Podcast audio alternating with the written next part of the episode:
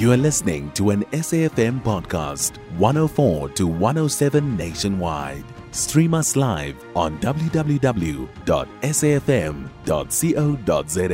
or via the SABC Plus app. SABC News, independent and impartial. Now, a child has been severely burned at uh, Khamatabata outside Leboagomo in Limpopo after a man allegedly set alight a house in which his partner and the child were sleeping. The perpetrator is known, uh, but the police in the area apparently refused to open a case. Now, it's alleged that police tried to mediate between the family of the burned child and the perpetrator. Let's hear now from our reporter, Matlatsi Paladi, who is following up on the story for us. Matlatsi, good afternoon. So, first off, uh, do we know if the child is related to either of the two adults, uh, either the perpetrator or the partner? Uh, Sakina, maybe be, perhaps let me start by saying that you know we are just from the family as we are speaking now, and we actually got an opportunity to meet uh, you know the, this child. Sakina, I can tell you it is very horrific uh, looking at what has transpired and happened to this particular child, just a minor two-year-old. You know, uh, all the uh, you know the burn marks are clearly visible on her face, on her arm, and on her head. And this is something that Sakina, you know, even when the child was just walking around, one cannot, you know, stop but sympathize with, with the mother.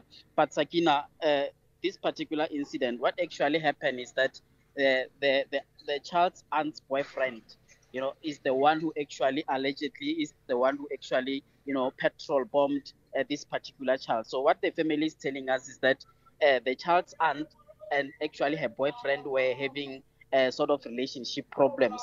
And on that particular fateful night, what they are saying is that the child was actually sleeping in her room when this particular boyfriend actually came with two petrol bombs and threw one of the petrol bomb, uh, petrol bomb through the window where the child was sleeping. So what they are saying is that because uh, the aunt and the boyfriend were having problems and they will actually sleep in this particular room, what they were saying is that the boyfriend actually threw this petrol bomb through this window, hoping that uh, you know the, the aunt is actually sleeping in that particular room. But, but unfortunately, in this faithful night, Sakina, that was not to happen. The the child was actually sleeping with her young sister in this uh, particular room, and the mother when this petrol bomb was actually thrown and the house engulfed in fire, and that's when this child suffered this third degree burn, Sakina.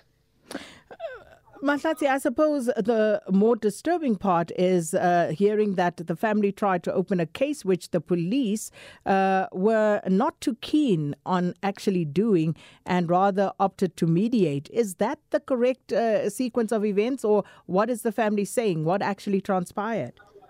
Yes, Sakina, that's actually what the mother of the child, Koketsu Matabata, actually told us. He said that after this uh, particular incident transpired, they actually went to report this uh, this case to Malips Drift uh, police station. This is a local police station at Ramatabata. So what actually happened, Sakina, uh, what they are telling us is that after they opened this particular case, you know, just uh, weeks after this particular incident, they were surprised when the investigating officer who was actually leading this case actually came to the family and tried to, you know, offer a ransom sort of mediation between these two families. This is the family of the suspect and the family of the victim. So what they actually told us is that uh, the, the, the investigating officer actually came and said that on behalf of the victim's family, they are willing to offer a cow and a, and a goat, Sakina, so that they can at least, you know, try and overlook this particular case. And the mother actually saying uh, she is having none of that because what actually happened to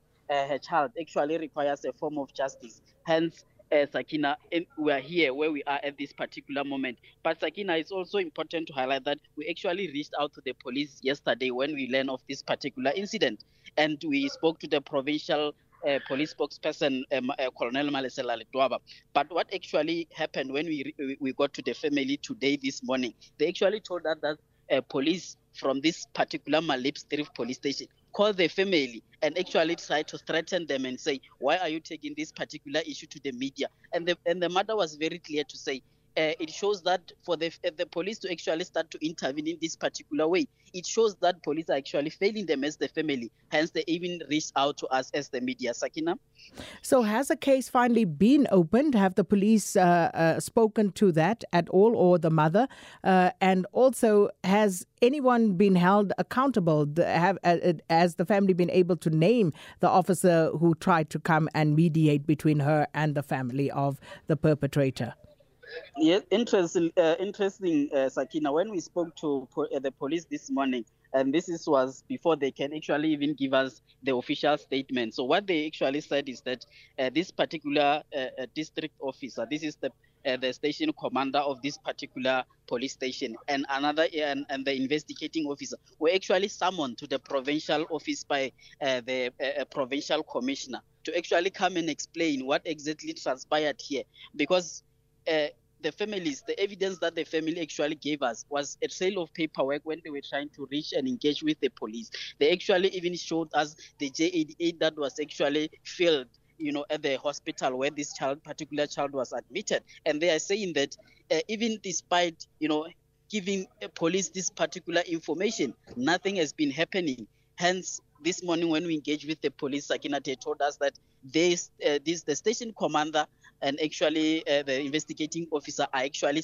being summoned by the provincial commissioner and they are saying that they will actually give us an official you know statement in the afternoon. So this is something that we are going to uh, we're waiting on sakina. But let me also highlight this fact sakina.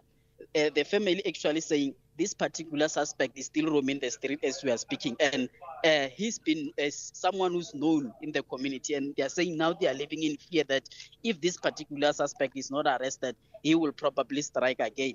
And they are saying that they also have a leading evidence Sakina, that they provided to the police. And the evidence that they provided was that uh, a friend who was actually with this particular suspect on the uh, on the night of this incident actually bought petrol bomb when he was with this friend. And this is something they say uh, uh, they were told by the friend of the suspect. Uh, he, he, says he was with this uh, particular suspect on that day. Uh, they drove through a petrol garage whereby he bought, you know, two petrol bomb, petrol bottles. So he was, you know, non-suspecting of this particular incident until he actually is the one who heard about this particular incident the following day. Sakina. Matlatsi, we'll wait for to hear back from the police and uh, certainly catch up with you tomorrow to uh, bring us up to speed with the latest developments. Our reporter in Limpopo, Matlatsi Paladi.